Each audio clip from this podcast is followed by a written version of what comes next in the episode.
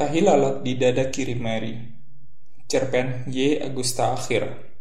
Versi cetak pikiran rakyat pada tanggal 24 Mei 2015. Narator Ahmad Muzaki. Ilustrasi musik Endah Fitriana.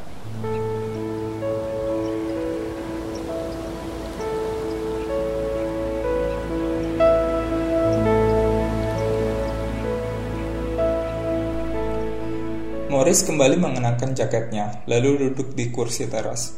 Ia merasa sedikit lebih nyaman ketika cahaya matahari menyiram tubuhnya. Ia tahu, seandainya kamar yang ia sewa untuk 2-3 hari ke depan tak menghadap ke timur, ia akan kesulitan beradaptasi dengan udara yang sejak kedatangannya kemarin seolah tak berkurang temperaturnya. Dingin. Apakah tebing dan pepohonan di sini tak pernah menggigil?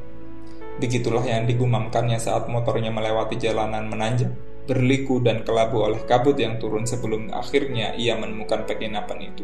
Bahkan, perempuan yang disediakan oleh pemilik penginapan yang menemaninya semalam tak cukup mampu mengusir dingin yang seolah mengulitinya tanpa ampun. Seharusnya aku sudah berhenti dari pekerjaan ini. Benar-benar bukan duniaku. Seharusnya aku sudah bisa menulis sebuah cerita. Aku bersumpah setelah bisa mundur dari pekerjaan ini, aku akan membuat novel. Mengeluarkan sumpah serapah semacam itu adalah kebiasaan dia setiap kali menghadapi kesulitan dalam pekerjaannya. Sekitar seminggu yang lalu, ia mendapatkan tugas menyelidiki pembunuh seorang anggota dewan. Usahanya telah membuahkan hasil begini. Pembunuh itu seorang perempuan simpanan anggota dewan dan Morris mengendus perempuan itu berada di sekitar sini. Morris melupakan sejenak tugasnya ia berusaha mengingat perempuan yang menemaninya semalam, tapi kemudian ia berkata pada dirinya sendiri, "Sungguh membosankan." Tapi lumayan juga, cukup mujarab untuk membuatku lelah dan tertidur dalam kebekuan. Ia tak tahu kapan perempuan itu pergi. Beberapa menit lalu, ketukan di pintu membangunkannya. Dengan mata masih terpejam, ia berkata kalau pintu tak dikunci. Menyuruh orang itu masuk. Ketika hidungnya mencium aroma kopi, tahulah dia orang itu pelayan penginapan. Ia segera membuka matanya lalu perlahan bangkit. Tapi pintu sudah menutup kembali dan samar saja ia mendengar langkah yang bergegas menjauh. Ia tak mendapati perempuan itu, tapi sisa parfum oriental masih tertangkap indera penciumannya. Aroma parfum yang berbau dengan wangi rempah kopi. Ia sulit mengingat, apakah sudah memberikan sejumlah uang pada perempuan itu ataukah belum. Morris menyeruput kopinya. Oh, lebih nikmat dari persetubuhan semalam, ucapnya dalam dirinya sendiri. Ia mencoba mengingat lagi soal kesepakatan dengan perempuan itu, tapi alih-alih mendapatkan jawaban, ia malah teringat pada dada perempuan itu. Bukan, bukan bentuk maupun ukurannya. Ketika ia menyentuhnya, ia dapat merasakan ada yang aneh. Sekarang, ia mengerti soal keanehannya. Dada kanan sedikit lebih besar daripada yang kiri. Morris tersenyum lalu menyeruput kopinya lagi. Kali ini pikiran yang nakal berharap kopinya tiba-tiba berubah jadi rasa susu. Membayangkan kembali dada perempuan itu, membuatnya teringat pada Aomame, salah satu dalam novel 1Q84, yang ia juga pernah mengimajinasikannya saat membaca novel karya penulis Jepang, Haruki Murakami. Tapi bukan itu yang sekarang sedang mengisi kepalanya. Di dada kiri perempuan itu, yang ukurannya lebih kecil, ada semacam bercak samar kecoklatan berbentuk oval. Bercak itu berada tepat di atas puting susunya. Tentang hal itu, ia ingat seribu bungurung bangau karya Yasunari Kawabata yang sudah pernah dibacanya. Aha, apakah penulis Jepang menyukai dada perempuan? Tapi juga bukan itu yang ia pikirkan. Tapi juga bukan itu yang ia pikirkan. Bercak kecoklatan berbentuk oval di atas puting perempuan yang bau keringat dan parfumnya masih menempel di tubuhnya mengingatkannya pada teman kecil bernama Mary, 20 tahun lalu. Waktu itu, mereka masih dua bocah yang suka berlarian menembus kabut hujan, membiarkan tubuh-tubuh mungil mereka dilecuti rintik air yang jatuh dari langit. Terbuat dari apakah hujan itu? Air. Mereka tertawa dalam hujan. Mereka berlarian dengan dada telanjang. Mereka tertawa dalam hujan. Mereka berlarian dengan dada telanjang. Tapi, diam-diam, Morris memperhatikan tai lalat yang nangkring tepat di atas puting susu Mary. Morris sebenarnya ingin bertanya, mengapa dada Mary sebelah kanan memiliki dua puting susu? Tapi ia tak berani mengajukan pertanyaan itu kepada Mary. Bagaimanapun Morris tahu, itu pertanyaan nakal. Mereka bersama-sama beranjak remaja. Kesukaan hujan-hujanan menghilang begitu saja. Bahkan keduanya nyaris tak pernah lagi bertemu meski rumah mereka hanya dipisahkan oleh dua gang saja.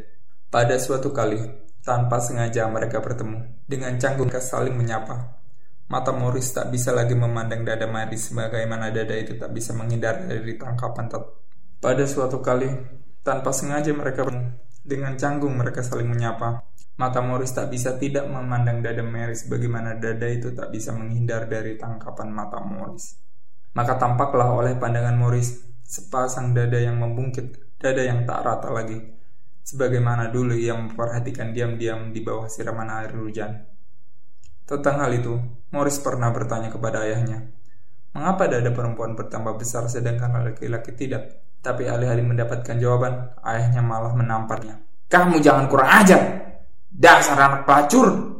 Morris tak memiliki ibu. Tepatnya, ia tak tahu ke mana ibunya pergi. Ayahnya hanya bilang kalau ibunya minggat saat dirinya berusia enam bulan. Kelak ia tahu perempuan yang melahirkannya itu mati di kamar sebuah hotel.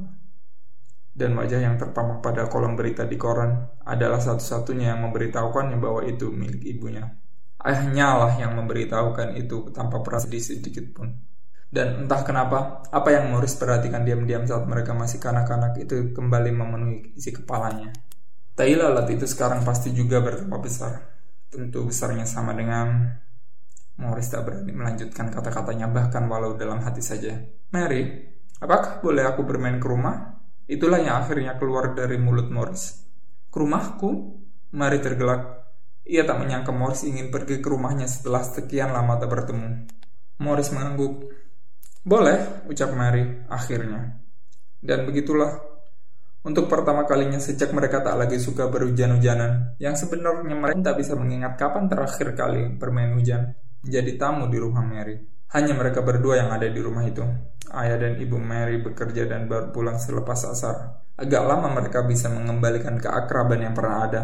Dan setelah kecanggungan itu benar-benar sirna, mereka saling bersenda gurau menceritakan kembali tentang kesukaan berhujan-hujan bersama, sehingga sampailah pada tai lalat di dari. Tanpa sengaja Morris mengakan, atau tepatnya bertanya soal itu. Seketika wajah Mary bersemburat merah. Itu cukup membuat Morris sadar dirinya baru saja membuat kesalahan. Ia ingin berucap maaf, tapi terlambat. Mary berseduh dan berlari, lalu membanding pintu kamar. Morris tak tahu apa yang harus dilakukannya. Baru sekian menit Mary tidak keluar, ia meninggalkan rumah Mary meninggalkannya begitu saja. Morris tersenyum melihat. Morris tersenyum mengingat itu. Ia kembali menyeruput kopinya yang sudah mulai dingin. Ia kemudian menguap. Diregangkan tubuhnya. Ia bangkit dari kursi dan berdiri mendekat pagar teras. Dibuang pandangannya pada hamparan rumah-rumah di bawah setelah baru tahu kalau penginapan yang ia tempati berada di tempat yang tinggi. Ia juga melihat ke telaga. Ada beberapa perahu berputar di sana dengan buih putih memanjang di belakangnya mengingatkannya pada perahu mainan yang berputar di bawah waskom di sebuah pasar malam yang pernah ia kunjungi waktu kecil. Mengingatkannya pada perahu mainan yang berputar di sebuah waskom di sebuah pasar malam yang pernah ia kunjungi sewaktu kecil. Sementara ia melihat telaga, telinganya menangkap suara di dari kamar sebelah, membuatnya berpaling pada sumber suara. Iseng saja ia mendekat, ia tahu apa yang sedang terjadi di dalam kamar. Ia melihat ada sedikit celah pada kain gorden. Ia mendekatkan wajahnya, pada kaca jendela itu, maka matanya melihat apa yang memang dilihatnya. Mengingatkannya pada apa yang ia koleksi dan ia simpan di dalam laptopnya.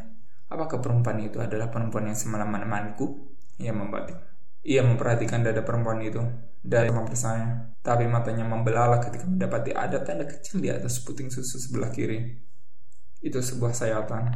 Mungkin bekas operasi, pikirnya. Matanya kemudian memicing pada wajah perempuan itu. Ia merasa mengenalinya. Itu bukan perempuan yang menemaninya semalam. Morris menelan ludah. Sesuatu tiba-tiba dirasanya bergetar di dalam celananya. Ia merogoh sakunya dan mengeluarkan benda kecil itu. Halo, ucapnya setengah berbisik. Apakah kau sudah mendapatkannya? Belum. Ada informasi baru. Perempuan itu memiliki tanda. Suara di seberang kemudian memberitahukan soal tahilalat di dada kiri perempuan pembunuh anggota dewan. Kukira aku akan mendapatkannya. Kukira aku akan mendapatkannya. Ucapnya lirih dan segera mematikan ponselnya. Sekarang tangannya meraih sesuatu yang lain di dalam jak. Sekarang tangannya meraih Sekarang tangannya meraih sesuatu yang lain di balik jaketnya. Gamang ia menggenggam benda itu, dan sumpah serapa yang sama ia ucapkan kembali. Seharusnya aku sudah berhenti dari pekerjaan ini. Benar-benar bukan duniaku. Seharusnya aku sudah bisa menulis sebuah cerita. Aku bersumpah, setelah bisa mundur dari pekerjaan ini, aku akan membuat novel